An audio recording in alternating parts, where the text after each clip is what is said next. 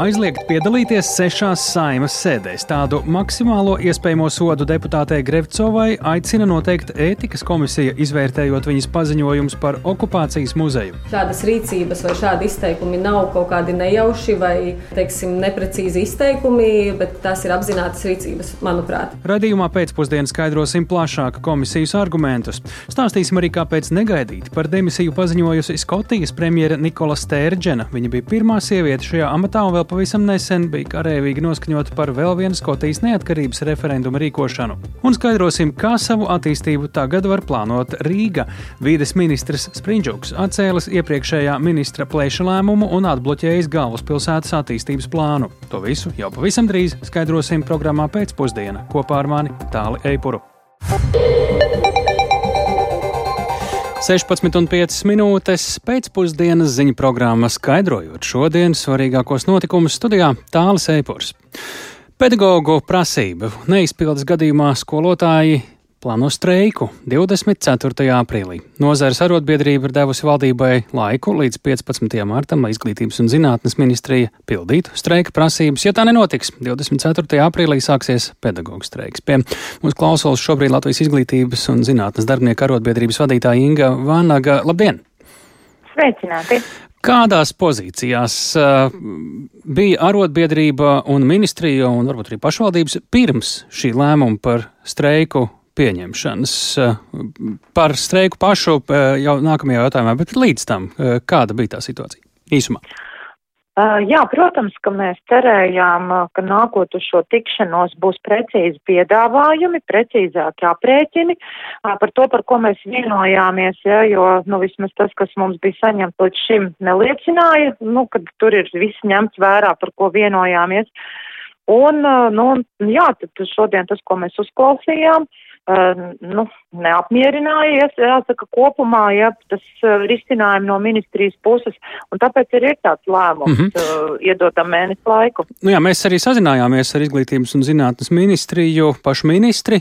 Tiesa gan mums neizdevās vienoties, ka mēs viņu uzaicinām uz sarunu pēc lēmuma par vai pret streiku. Tā vēl notika pirms, bet tad arī mēs dzirdēsim šo ministrijas izējas pozīciju.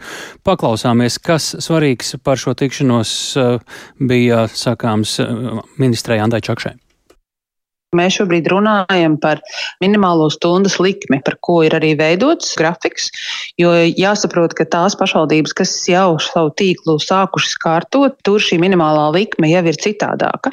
Vairs nav tā minimālā likme, par kuru mēs runājam.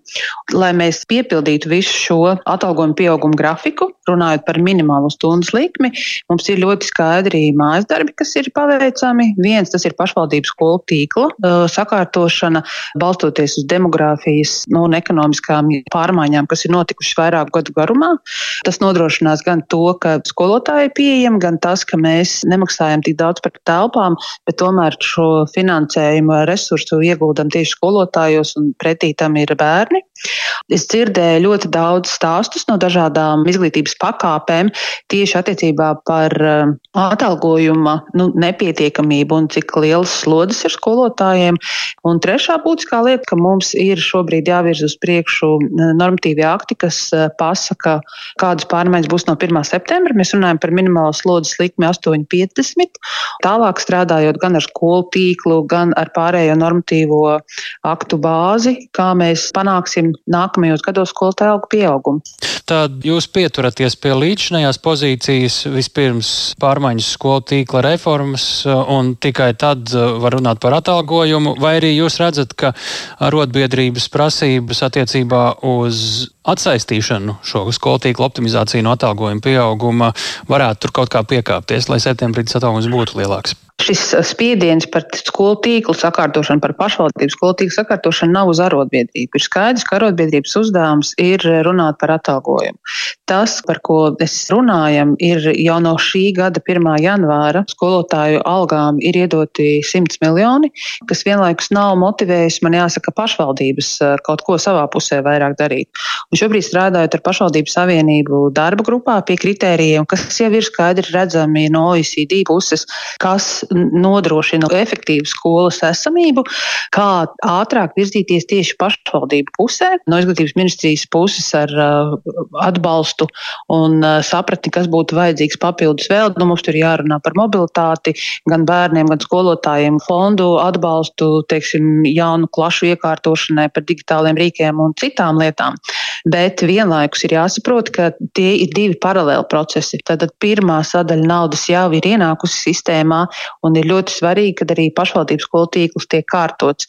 Ja mēs runājam par 1. septembri, tad tas nav tik tiešā veidā saistīts uzreiz ar lielām pārmaiņām skolu tīklā. Mēs jau redzam, kur sistēmiski šis finansējums varētu būt, lai palielinātu šo minimālo stundas likmi līdz 8,50, bet nākamie gadi prasa būtisku tīkla pārmaiņas, tieši skatoties demogrāfijas un ekonomikas izmaiņās, kas ir bijušas Latvijā. Tad no šī var saprast, ka neatkarīgi no tā, cik tālu būs skolu tīkla optimizācija, tas atalgojums pedagogiem varētu pieaugt un streika varētu nebūt? Ja mēs runājam par minimālo likmi 8,50, tad jā, Nu, par streiku izlems noteikti, ka arotbiedrība, bet es aicinātu būt mums visiem vienā pusē, jo mēs runājam par skolotāju algu pieaugumu. Ja mērķis mums ir viens, tad finanšu avoti droši vien mūsu galvās atšķiras, bet es neredzu, kā līdz tam nonākt caur streiku. Tā izglītības un zinātnes ministra Anda Čākša pie mūsu klausulas joprojām Inga Vanaga, izglītības un zinātnes darbinieka arotbiedrības vadītāja. Vai jūs īsumā varētu iztūkot, ko ministra nu pat pateica jūsu mm. skatījumā?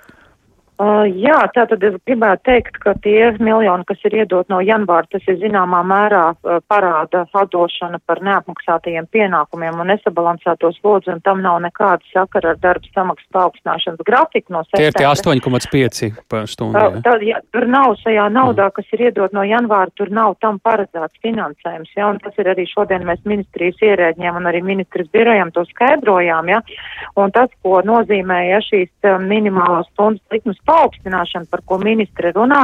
Arī šodien mēs mūsu padomē eh, centāmies ieviest vienotāku izpratni par to, ka uh, vienkārši šādu metodiku nu, mēs vienojāmies izmantot, lai ir vieglāk, ja, jo ir uh, tiešām ļoti sarežģīti, ja cik kuram par kādām stundām maksā, bet tas, ko mēs no arotbiedrības sakam, ka ja mēs pārējām, ja šo no šie 7,50 uz 8,50, tas nozīmē, ka pedagogus zemākai darba algas samaksai no septembra ir jāpaukstinās amplitūdā no 120 līdz 160 Tas ir eiro. pietiekami? Nu, ņemot, Eh, tas pēc mūsu ieskata no septembra būtu pietiekami, jo tāpēc, ka nākamais eh, šis algas paaugstinājums solis ir paredzēts jau no 24. gada janvāra, un kur tad būtu zemākā darba algas likme jau 1512 eiro, ja strādā. Nu, tad ministri ko pateica? Izpildīja faktiski ar šo šau pozīciju nu, jūs prasības vai ne?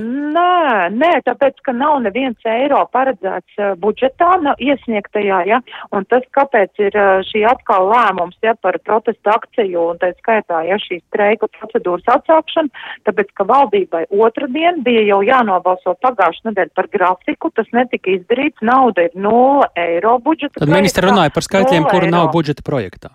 Tieši tā viņi runā, viņi, valdības pārstāvi runā par teorētiskām summām, kam budžetā nav paredzēts neviens Kas eiro. Notiek tagad tālāk? Tālāk ir lēmums jau šodien pieņemts. Mēneša laikā precīzi grozījumi normatīvos aktos, lai valdības un pašvaldību pārstāvi turpina strādāt pie skolu tīkla optimizācijas.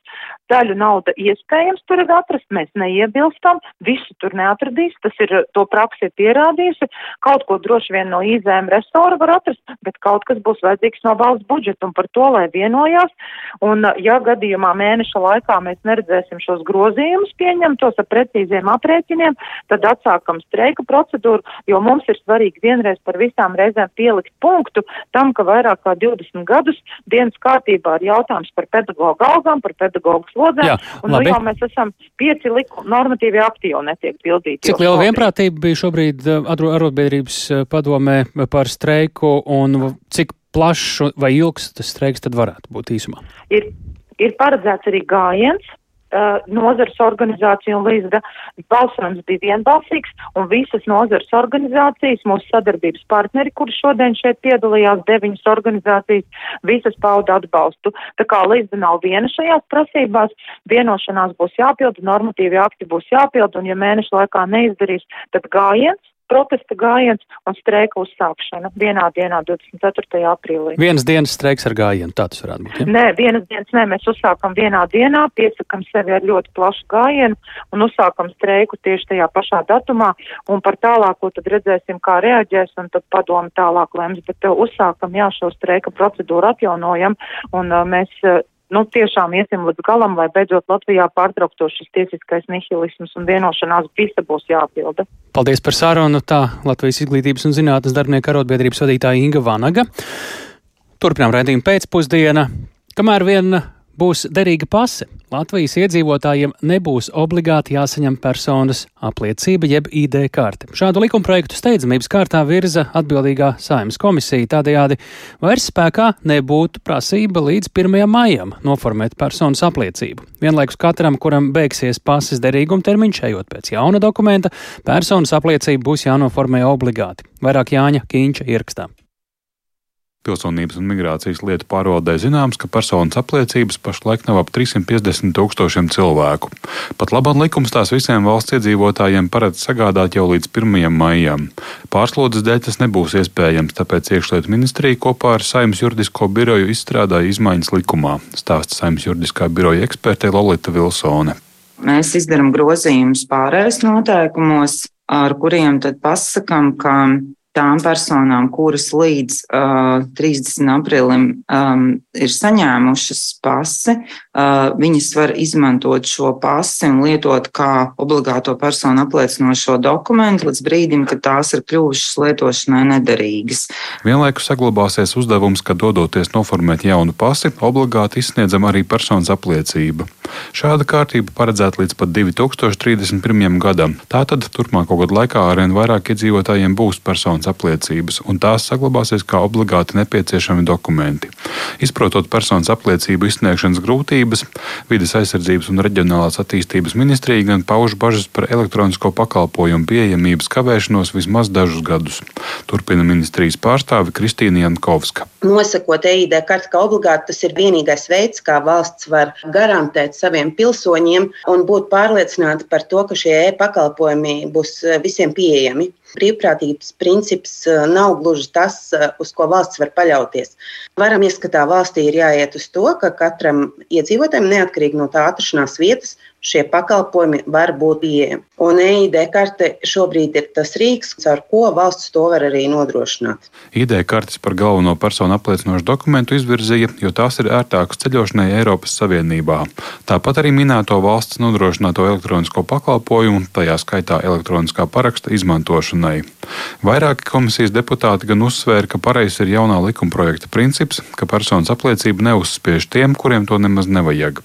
Turpina deputāte Viktorija Baira no jaunās vienotības frakcijas. Cilvēks manī brīdī, kad sapratīs, ka EID karta lietojot, tas ir ātrāk, nepiesaistīts laikam, nepiesaistīts tam, ka tev kaut kur fiziski ir jādodas, pats izlems par labu šim dokumentam. Savukārt tiem, kuriem tiešām nav vajadzība, vai viņiem ir ļoti liels grūtības ar šīm sistēmām, digitālajām prasmēm, viņi izmantos klientu apkalpošanas centrus un tad laika gaitā saņem šīs ID kartītes. Likumprojektu, kas paredz atteikties no 1. maija kā datuma personas apliecības obligātai saņemšanai, pirmajā lasījumā paredzēts skatīt jau ceturtdien.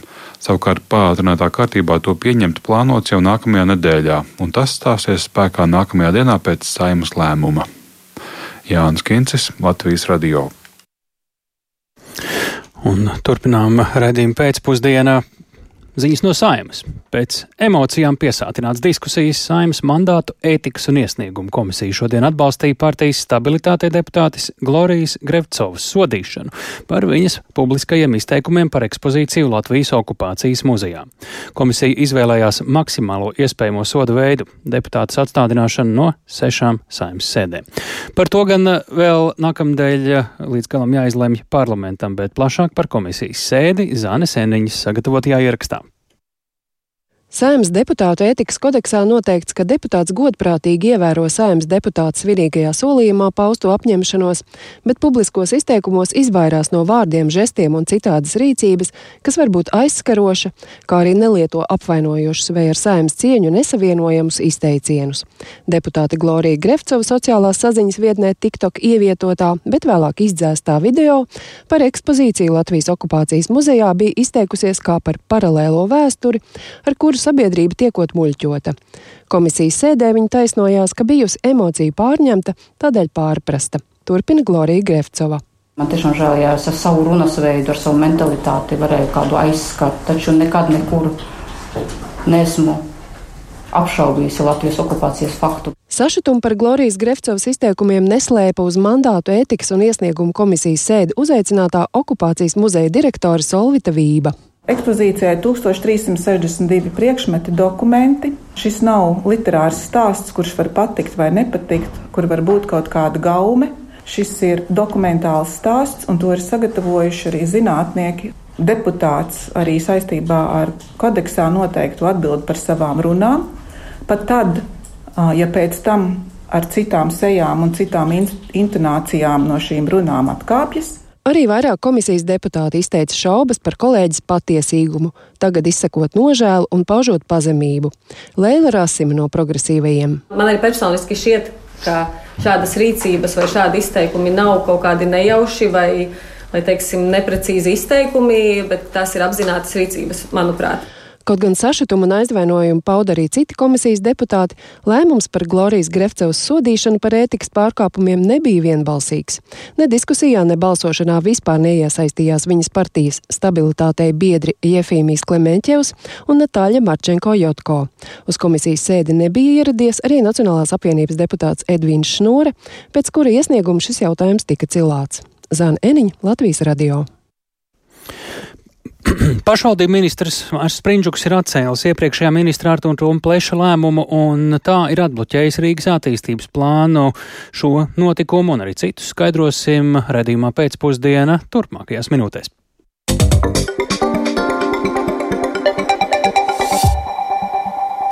Par atkāpšanos no amata paziņojusi Skotijas pirmā ministre Nikola Stērģena. Viņa ir pirmā sieviete šajā amatā un visilgāk strādājusi Skotijas valdības vadītāja.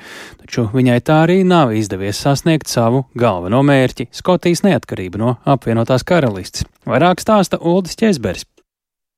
Daudziem par pārsteigumu Skotijas valdības vadītāja Nikola Stērģena šodien paziņoja par savu nodomu demisionēt, lai gan vēl pirms neilga laika viņa noliedza iespēju atstāt amatu.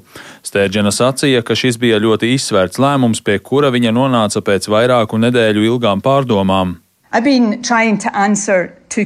Es centos pati sev atbildēt uz diviem jautājumiem. Vai ir pareizi, ka es turpinu šo darbu, un vēl svarīgāk ir tas, vai man būtu jāturpina vadīt valsti, partiju un aizstāvēt Skotijas neatkarību, kam esmu veltījusi savu dzīvi. Es saprotu, kāpēc daži uz otro jautājumu automātiski atbildēs jā, taču patiesībā man pēdējā laikā ir nācies vairāk piepūlēties, lai pārliecinātu sevi, ka atbilde uz kaut vienu no šiem jautājumiem ir jā. Tāpēc esmu nonākusi pie secinājuma, ka tā nav. Stērģena arī neslēpa, ka viņa pēc vairāk nekā astoņiem gadiem amatā jūtas nogurusi un emocionāli iztukšota. Analītiķi pieļauj, ka Stērģenas demisija ir saistīta ar apvienotās karalistes augstākās tiesas pērn novembrī pieņemto lēmumu, ka Skotijas valdībai nav likumīgu tiesību rīkot jaunu neatkarības referendumu bez Londonas piekrišanas. Stērģena kļuva par Skotijas premjerministri 2014. gadā pēc tam, kad atkāpās viņas priekštecis Aleks Salmons, uzņemoties politisko atbildību par zaudējumu togad notikušajā referendumā par Skotijas neatkarību. Stērģena solīja, ka panāks vēl viena neatkarības referenduma rīkošanu. Stērģena arī atkāpās no Skotu Nacionālās partijas priekšsēdētājas amata. Stērģena sacīja, ka turpinās darbu līdz brīdim, kad partija izraudzīsies sev jaunu līderi, kurš automātiski kļūs arī par Skotijas valdības vadītāju. Pēc Stērģenas paziņojuma ir nosaukti vairāki potenciālie Skotijas valdības vadītāja amata pretendenti. Britu mediji kā reālāko min Stērģenas pašreizējo vietnieku Džonu Sviniju, kurš pirms vairāk nekā 20 gadiem jau vadīja Skotu Nacionālo partiju.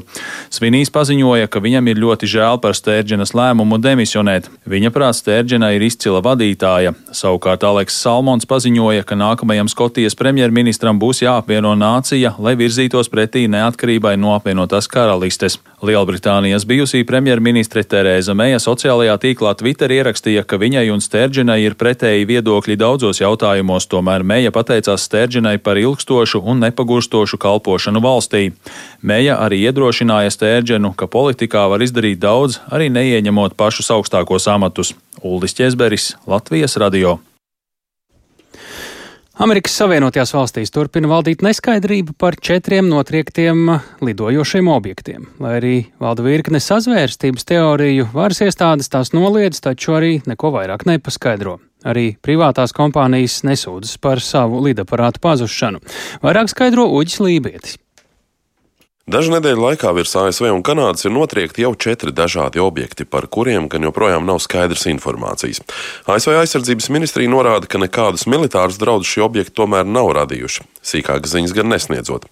Lai arī sazvērstības teorija atbalstītāji joprojām runā par neatpazītiem lidojošiem objektiem no kosmosa, daudz reālāk šķiet versija, ka pēc strateģisko radaru uzlabošanas daudz biežāk tiek pamanīti arī mazāki lidojoši objekti, nevis tikai balistiskās raķetes vai bumbvedēji.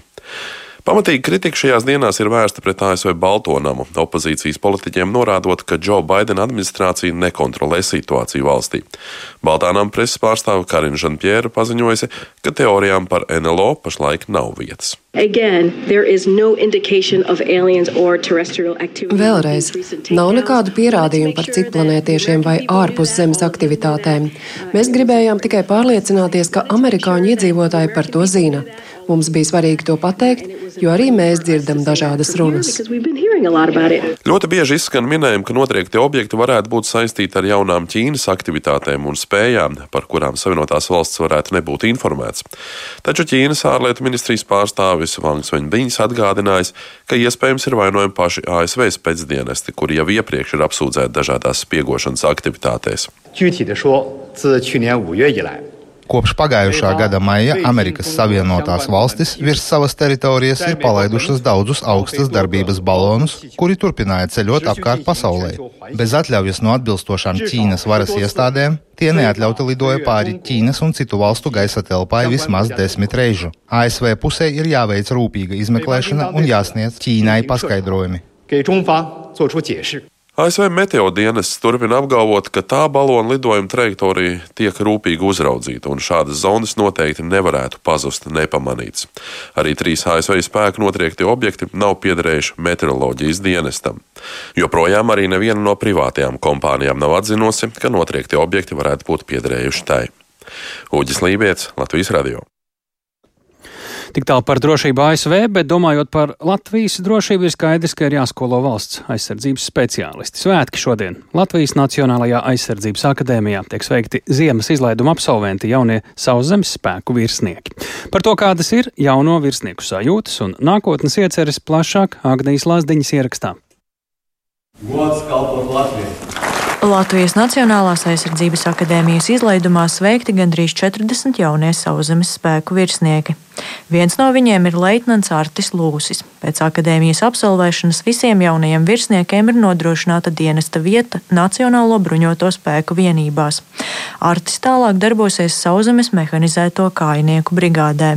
Pēc varbūt kāda pirmā mēneša tā tikai būs tā īstā sajūta, kad es sapratīšu, ka akadēmija ir pabeigta un tagad sākas jauns dzīves posms. Jo šobrīd ir nu, tāds sajūta, ka nu, nedaudz virs zemes esmu pacēlās. Savam studiju biedram piekrīt arī absolvente Leitnante Elvita Alksne. Viņa iesaistīsies speciālo uzdevumu vienībā. Jā, ir tāds sajūta, ka viss tikai sākas, tie četri ar pus gadi ir nodzēsti, un tagad mēs ar savām visām zināšanām, zināšanu bagāžu tad, uh, dodamies jaunā ceļā, vēl nezināmā, bet noteikti interesantā. Jau skolas laikā Artis darbojās jaunsardzē, tāpēc bija pārliecināts, ka par savu studiju vietu izvēlēsies tieši aizsardzības akadēmiju. Uz to mudināja arī jaunsargu instruktore, kas kas novērtēja Arta spējas un lielo apņēmību. Atminoties gan jaunsardzi, gan no jau pagājušās studijas, viņš atzīst, ka tagad ik katram absolventam, darbojoties kādā no vienībām, atbildība par uzticētajiem pienākumiem būs krietni lielāka. Ir arī šobrīd atbildība, bet aizjūt uz vienību, nu, tur tas ir atbildīgs uzreiz. Man tad pirmā tā sajūta ir, ka nu, atbildība uzreiz, ka ja nu kas, ja nu kaut kas sākas, tad no manas kā, nezinu, centību šeit, akadēmijā, tā cik daudz es esmu iemācījies, no tā būs atkarīga to manu karavīru dzīvība. Savukārt Elvita sākotnēji vēlējās studēt medicīnu, taču paziņas radīja interesi par zemesardzi, kur tad vēlāk viņa arī iestājās. Piedaloties kādā zemesardzes pamatapmācības nometnē, vairāki virsnieki un instruktori saskatīja Elvitas vadītājas spējas, tāpēc ieteica studēt aizsardzības akadēmijā, un kā uzsver viņa, noticot viņas spējām, pirms viņa noticēja pati sev. Tomēr, skatoties uz šī brīža notikumiem pasaulē, Elvita tāpat kā Artis uzsver lielo atbildības sajūtu, kas pārņēmusi uzreiz pēc izlaiduma beigām. Jā, šī atbildības sajūta ir daudz lielāka nekā tā noteikti bija pirms, un vēl pirms mēs iestājāmies akadēmijā. Ir saprotams, tas, ka eh, kuru katru brīdi var notikt jebkas. Tā vairs nav vēsture, tās ir mūsdienas, un, un tas jau ir citādāk. Tomēr abi jaunieši uzsver, ka visi absolventi, jaunie sauszemes virsnieki, ir pateicīgi par studijām, kurās katru dienu ir mācījušies, trenējušies un sevi pilnveidojuši tā, lai būtu gatavi jebkam. Agnija Lazdiņa, Latvijas radio. Kā dzirdējāt, daļā jauniešu ceļš uz virsnieku karjeru sākas vēl tad, kad viņi tiek uzrunāti un ieinteresēti pirms tam skolas solā. Šorīt raidījumā labrīt kolēģi par sekmēm jauniešu piesaistīšanā un citiem tematiem iztaujāja aizsardzības akadēmijas rektoru polkveža leitnantu Māri Utinānu. Galvenais uzsvars mēs veidojam šīs attieksmes, vērtības un sapratni par to, ko viņi dara un kas ir virsnieka profesija, kāda viņa pienesums valsts aizsardzībā. Tas dod rezultātus, jā, it īpaši tas dod rezultātus tikai tāpēc, ka cilvēki saprot, kas mēs esam, kas ir bruņotie spēki un ar ko saistās virsnieka profesija. Mēs redzam, ka informācijas pārbagātība viņiem ir apkārt. Ja mēs neiesim pie jauniešiem, nestāstīsim, kas ir bruņotie spēki, kas ir virsnieks, kas ir virsnieka profesija, tad arī mēs paliksim nostūrī. Cik daudz no tiem tiem, kas varbūt uzsāk mācības, arī tās pabeidz. Mēs analizējam mūsdienu jauniešus, mēs balansējam šo slodzi, gan morālo, gan fizisko. Pirmajos kursos mēs vairāk pievēršamies fiziskai sagatavotībai, un tad ar katru kursu šī slodze pieaug gan morālā, gan arī fiziskā. Viena trešdaļa no iesaucamiem, tie, kas iestājas akadēmijā, tad arī izkrīt dažādu iemeslu pēc. Jo kļūstot par virsnieku, skaidrs, ka tas ir viss mūža gājums. Viena daļa ir attiecīgi kāda veselības problēma apsvēruma dēļ. Par no šo studentu skaitu, cik tas varbūt sastāv procents no tā, kas būtu vēlams, lai mēs varētu nodrošināt to nepieciešamību, kas mums valstī ir. Pašlaik mainās šī situācija, kad uh, uzsāk kara darbība Ukrainā, tad šīs valsts aizsardzības dienas ieviešana, protams, atkal uzliek papildus vajadzību pēc uh, virsnieku un, un instruktoru sastāvu. Ja līdz šim gada ietvaros, ja mēs izlaistu no 70 līdz 90 virsnieki, tas būtu pilnīgi pietiekoši, bet pašlaik ir drusku fokusējies vai mainās šī uzsvara ja teiksim, procentuāli mēs nu, tuvojamies 80, 90%, ko mēs varam nodrošināt. Un jūs pieminējāt obligāto militāro dienestu, tas ir pareizais ceļš. Es domāju, tas ir pareizais ceļš un uh, obligātais. Nu, es nosauktu viņu pareizākā valsts aizsardzības dienestu. Mūsu pilsoņu atbildība ir tomēr būt gataviem šīm situācijām, kā arī redzam Ukraiņas piemēru. Ja tā stunda sitīs un mums jāiet aizstāvēt savu valsti, jebkurš no mums labāk ir sagatavojies, kā rīkoties šajā situācijā. Valsts aizsardzības dienas un valsts aizsardzības mācība ir rīki, caur ko arī mēs sabiedrību sagatavojam dažādām situācijām. Tam nav jābūt karam. Tam pietiek nepietiek ar uh, vienkārši mūsu pavasara plūdiem. Tas dod cilvēkiem zināšanas, kā rīkoties šādās situācijās. Pirms dažām dienām bija arī jubileja jūsu akadēmijai kopumā, ja mēs skatāmies to attīstību. Kas ir varbūt mainījies no pirmsākumiem līdz šai dienai? Mēs esam attīstījuši šo visu procesu. Mēs esam ļoti, ļoti daudz mainījuši, ļoti, ļoti, ļoti, ļoti lielu attīstību esam veikuši. Un man bija tā iespēja pašam būt kadetam no 95. gada līdz 98.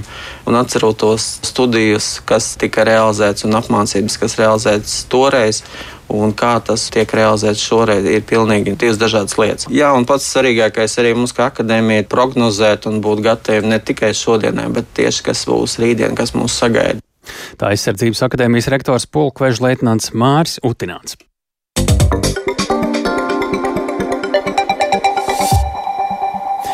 Vides aizsardzības un reģionālās attīstības ministrs Māris Sprindžuks no apvienotā saraksta šodien ir atcēlis iepriekšējā ministra Artūra Toma plešu lēmumu par Rīgas teritorijas plānojumu apturēšanu. Rīgas doma saistībā ar plešu lēmumu pērnu vērsās arī satversmes tiesā, bet pēc šīs dienas ministra lēmuma doma jau rīt lems par šīs prasības atsaukšanu satversmes tiesā.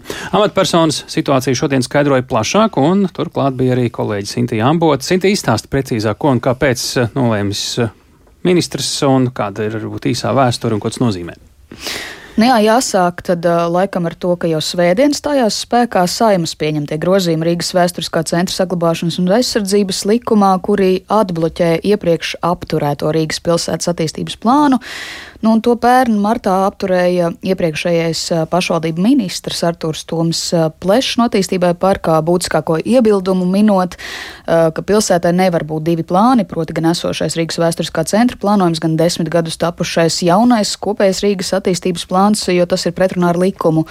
Un tad saimas nu pat pieņemtās izmaiņas tomēr pieļauj divu teritoriju plānu izmantošanu vienlaikus, sekojoši šodien jaunais pašvaldību ministrs Māris Sprindžuks no apvienotā tā saraksta paziņoja, eh, ka atceļ iepriekšējā ministra lēmumu, un tad varam paklausīties viņa teiktajām. Tie argumenti, kas bija iepriekšējā ministra atzinumā, ka nevar pastāvēt divi plānojumi, neizturēja kritiku, kā arī šis laiks bija pietiekams, lai atrastu kaut vai risinājumu, kurš prasīja saimai tieši divas nedēļas. Tātad eh, strauji izstrādāt likuma grozījumus, izveidot jaunu plānojumu, tiesisko ietvaru tieši Rīgas vēsturiskam centram. Iespējams, varam ministram arī domājot uz priekšu, un es to ierosināju arī likumdevējiem, nevajag paredzēt šādas pilnvaras, jo viņas var tikt izmantotas citos mērķos, ka viņš var mēnesī vai, vai pēdējā naktī izvērtēt astoņu gadu darbu un atzīt viņu par tiesisku vai pretiesisku.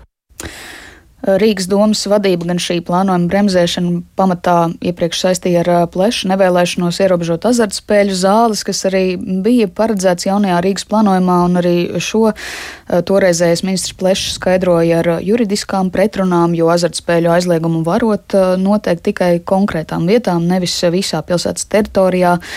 Um, Rīgas doma saistībā ar pleša lēmumu pērn vērsās arī satversmes tiesā, um, bet rīt sasaukta domas ārkārtas sēde, lai lemtu par uh, šīs prasības atsaukšanu, jo uh, Rīgas mēra Mārtiņa Stāķa ieskatā tad ar šo uh, visi strīdi ir atrisināti. Mm. Nu, pēc visiem šiem juridiskiem pagriezieniem, kur uh, nerūpīgi sekojot, var arī diezgan labi apmaldīties, kāda tad šobrīd ir situācija, ko Rīgas doma līdz ar šo ministru lēmumu var turpmāk darīt attiecībā uz savu attīstību, ko nevar darīt? Nu, jā, varbūt, ja mazliet par tām sekām, tad Stačs te komentēja, ka nav ziņu, cik daudz uzņēmēju šī dēļ ir atteikušies no saviem plāniem, bet pēc nekustamo īpašumu alianses aplēsēm, mm, tā teikt, iesaldēto investīciju apjoms ir vairāk simti miljonu eiro. Ar viņiem kas, mēs runāsim pēc dažiem mirkļiem. Jā, jā, kas ir gan daudz dzīvokļu māju projekti, gan kādas rūpnīcas izbūve. Kā, kā iezīmē Sprindžuks, tad līdz ar šo rīkojumu faktiski attīstība Rīgā ir atbloķēta un visiem spēles dalībniekiem, kas grib plānot, būvēt mm. vai attīstīt, ir skaidrs tiesisks ietvers, kā to darīt, nevis novecojušais. Jo jaunais teritorijas plānojums paredz elastīgākus abūs noteikumus, kā arī atvieglojums un vienkāršotas vairākas mm. prasības. Nu, par tām azartspēlēm, zinot, ka pēdējā laikā šos pavērsienus daļa sabiedrības saistīja tieši ar atšķirīgajām interesēm azartspēļu nākotnē pilsētā, kā tad ministra lēmums tagad ietekmē šī biznesa nākotnē? tās var rīkot, ir tam paredzēts vietas, vai tur vēl lēmumu priekšā ir tikai. Līdz šim tātad spēkā ir iepriekšējais Rīgas pašvaldības apstiprinātais teritoriālais plāns, kur uh, spēļu zāles, zāles ir atļautas. Līdz ar to Rīgas doma, piemēram, janvārī atbalstīja astoņu totalizatoru un, uh, un uh, derību likmju pieņemšanas vietu atvēršanu jau, azartspēļu, jau esošajās azartspēļu zālēs. Mērs saka, ka tagad plāns neparedz azartspēļu zāļu licenču izsniegšanu un jaunas atļaujas arī tad varēs turpmāk neizsniegt. Varam paklausīties staķi. Šobrīd mums ir pilnīgi legāls pamats balsot teikt, arī pēc savas sirdsapziņas. Tātad, ja plāns neparedz, mēs arī jaunas vairs neizsniedzam. Un tās ir 90 vismaz spēļu zāles, kurām būs jārēķinās ar to, ka šīs licences arī tiks zaudētas. Es paredzu, ka notiks tieši tas pats, kas notika Rīgas vēsturiskajā centra situācijā. Nošķiet, tas būs diezgan ilgas un garas tiesvedības. Taču arī attiecībā par Rīgas vēsturisko centru, kur jau ir tāds pats regulējums kā tagad visā Rīgā, mēs visas tiesvedības esam uzvarējuši. Es paredzu, ka arī šeit mums eh, noteikti vajadzētu veikties. Nu jā, un var piebilst, ka iepriekš arī Tieslietu ministrija jau sniedza savu vērtējumu, ka Rīgas attīstības plāna pilnīga apturēšana ir bijusi nesamērīga un neatbilst satversmē. Paldies, Sintījai Ambotei. Radījumā pēcpusdienā mēs turpinām šo tēmu, sazinoties ar nekustamā īpašuma attīstītāju alianses valdes priekšsērētāju Mārtiņu Vānagu. Labdien! Sveicināt. Kāds signāls šis ir nekustamā īpašuma attīstītājiem, jeb citiem vārdiem, ko līdz ar pilsētas attīstības plāna neesamību nevarēja darīt attīstītāji un ko turpmāk varēs darīt? Nu, signāls, protams, ir pozitīvs, bet nu, nevarētu teikt, ka kāds, kā saka, vērts šampanieti vaļā šodien, jo nu, kopumā tā, tas noskaņojums ir tāds, ka investoru vidū, ka nu, šis birokrātiskais futbols ne, beidzot būs kaut kā noslēdzies un ir skaidri nosacījumi tam, kā investori var Rīgā ieguldīt jaunās, jaunās daudzdzīvokļu mājās, birojos, ražotnēs un tā tālāk. Jāteic, ka viss tas process kopumā ir iedragājis investoru uzticību Rīgai. Nu, protams, ļoti grūti izskaidrot šīs te, te ļoti ārkārtīgi birokratizēto pamatojumu, kāds tika minēts tam, lai, lai, lai, lai plānojumu apturētu. Kas Bet, šobrīd nu, mainās? Mainās tas, ka, nu, teiksim, ja, ja līdz šim uh, tieši, tieši šī apturētā plānojuma dēļ Rīgā bija apturēti nu, daudz dzīvokļu, piemēram, māju projekti ar vismaz tūkstotis jauniem mājokļiem. Un tas ir uh, investīcijas vismaz 150 miljonu eiro apmērā, un es šeit es runāju faktiski tikai par trīs nozīmīgākiem attīstītājiem, kā Bonava, Jīks un Merks. Uh, bet, nu, Tā ziņā tie, tie, tie, tie noteikti tie, tie apturēto projektu daudzums ir, ir lielāks un arī iesaldēto, līdz šim iesaldēto investīciju apjoms ir lielāks. Tā kā labā ziņa ir tāda, ka nu, attīstītāji var būvēt mājokļus, jaunus mājokļus, tuvākajā laikā tas uh, nozīmē vismaz papildus 150 miljonu investīcijas un, un mājokļus tieši šajā pieejamajā segmentā, proti Tie ir teiksim, ekonomiski mājokļi, energoefektīvi mājokļi ar zemām komunālām izmaksām, kas droši vien ir aktuāls jebkuram iedzīvotājam. Lielas paldies! Mārtiņš Vānaks, nekustamā īpašuma attīstītāja alianses valdes priekšsēdētājs, apvienības pilsēta cilvēkiem pārstāvis Armāns Būmanis pie mūsu klausulas arī sekojas līdz šim stāstam. Labdien! Labdien! Kāda jūs sacītu bija situācija līdz šodienai un ko mainīs ministra lēmums atcelt uh, cita ministra lēmumu un attīst, atvērt attīstības plānu atkal? Uh, jā, es piekritīšu Vanaga kungam, ka īstenībā tas ir ļoti labs un plats solis pareizā virzienā, bet, diemžēl, ļoti ilgi notika iepriekšējā plāna izstrādāt, aptuveni desmit gadus. Un īstenībā mums vēl tās tie birokrātijas džungļi jau pilnībā nav atrisināti. Ir ļoti labas iniciatīvas kā zaļais koridors būvvaldē, bet tāpat tās ir ļoti daudz tādas lietas, kuras traucē pilsētai kvalitatīvi attīstīties. Mums, piemēram, kā apvienībai ļoti svarīgs ir transporta jautājums, kur iepriekšējā plānojumā tā transporta sadaļa īstenībā ir salīdzinoši vāji izstrādāta un jau arī prioritātes ir stingri mainījušās, jo Rīga ir šajā laikā paspējusi sev definēt, ka viņai vajadzētu vismaz līdz 2030. gadam kļūt par klimatu neitrālu pilsētu. Un šī uh, apņemšanās, diemžēl, šajā plānā nav ietverta. Un līdzīgi arī ar nekustamajiem īpašumiem uh, ļoti daudz kas uzlabosies, bet arī vienlaicīgi visi šķēršļi jau tomēr nav atrisināti, jo mums jau svarīgi ne tikai, lai tās mājas būtu, lai viņas būtu arī mūsdienīgas. Uh, atbilst mūsdienīgām prasībām par pilsētvidi un vai tur būtu, piemēram, kvartāla veida apbūve pamatā un, un uh, būtu pie, pietiekami liels skaits uh, dažādu modernu uh, māju, piemāju teritoriju, uh, lai nebūtu tikai tā, ka uh, māja ir stāvlaukumā. Nu, tad šobrīd, ņemot vērā to, ko jūs sacījāt, kas tad būtu tie loģiskie soļi, kuri mums būtu jāgaida no pašvaldības, lai jūsu šie vairāki pieminētie arī aspekti varētu virzīties pietiekami raiti un konstruktīvi e, vismaz no šī punkta, kur mēs esam? Es domāju, ka ļoti daudz ko var izdarīt arī uh, pēc šī plāna pieņemšanas, neveidojot pilnībā jaunu plānu, bet uh, uzlabojot to.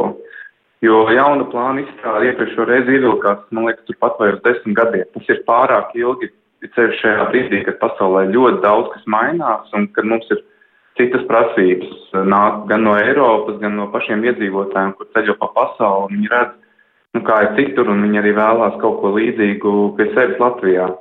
Kaut vai aizbraucot uz Igauniju, tur jau var redzēt, cik īstenībā nu, tas mājokļu tirgus ir uh, pilnīgi savādāks kā mums. Un tas nav vienmēr tikai cenā. Tas ir arī daudz kur noteikumos, kādi mums ir definēti pilsētā. Vēl kādā pusminūtē rīdzinieki vai pilsētas apmeklētāji, kur, kas būs pirmais, kā viņi sajutīs šīs dienas pārmaiņas? O, es ļoti ceru, ka izējot ārā no centrālās stacijas, vairs nebūs priekšā tā sarkanā māja ar uzrakstu Fēniks. Tā, man liekas, būtu pati labākā dāvana Rīgai, ko varētu, es nezinu, nākamo divu, triju gadu laikā līdznieki iegūt. Ja to mēs spētu izdarīt, tas būtu jau liels solis, jo man liekas, ka tāda pilsētas vizītkarte nevienam nav vajadzīga, ņemot vērā, ka tur arī būs Rail Baltica stacija. Azartspēļu ierobežošana tulkojumā, ja? Arī, jā, jo, nu, pilsētas vide prasa straujas izmaiņas un šāda te Rīgas vizītkarte. Jā nav, nav labi. Paldies par sarunu. Apvienības pilsēta cilvēkiem pārstāvis Armāns Būmans pie raidījuma pēcpusdienu klausulas. Tas arī viss šīs dienas eh, raidījumā pēcpusdienā. Ar jums sarunājās Tālis Eipurs, raidījumu veidoja Ilze Aginta, tāpat arī Kaspars Groskops, Rita Karnača. Un, un, protams, šis raidījums, ja vēlaties to noklausīties sev vēlamā laikā, droši tveriet pēc raidierakstu straumēšanas vietnēm un arī Latvijas radio mobilās lietotnes. Yeah.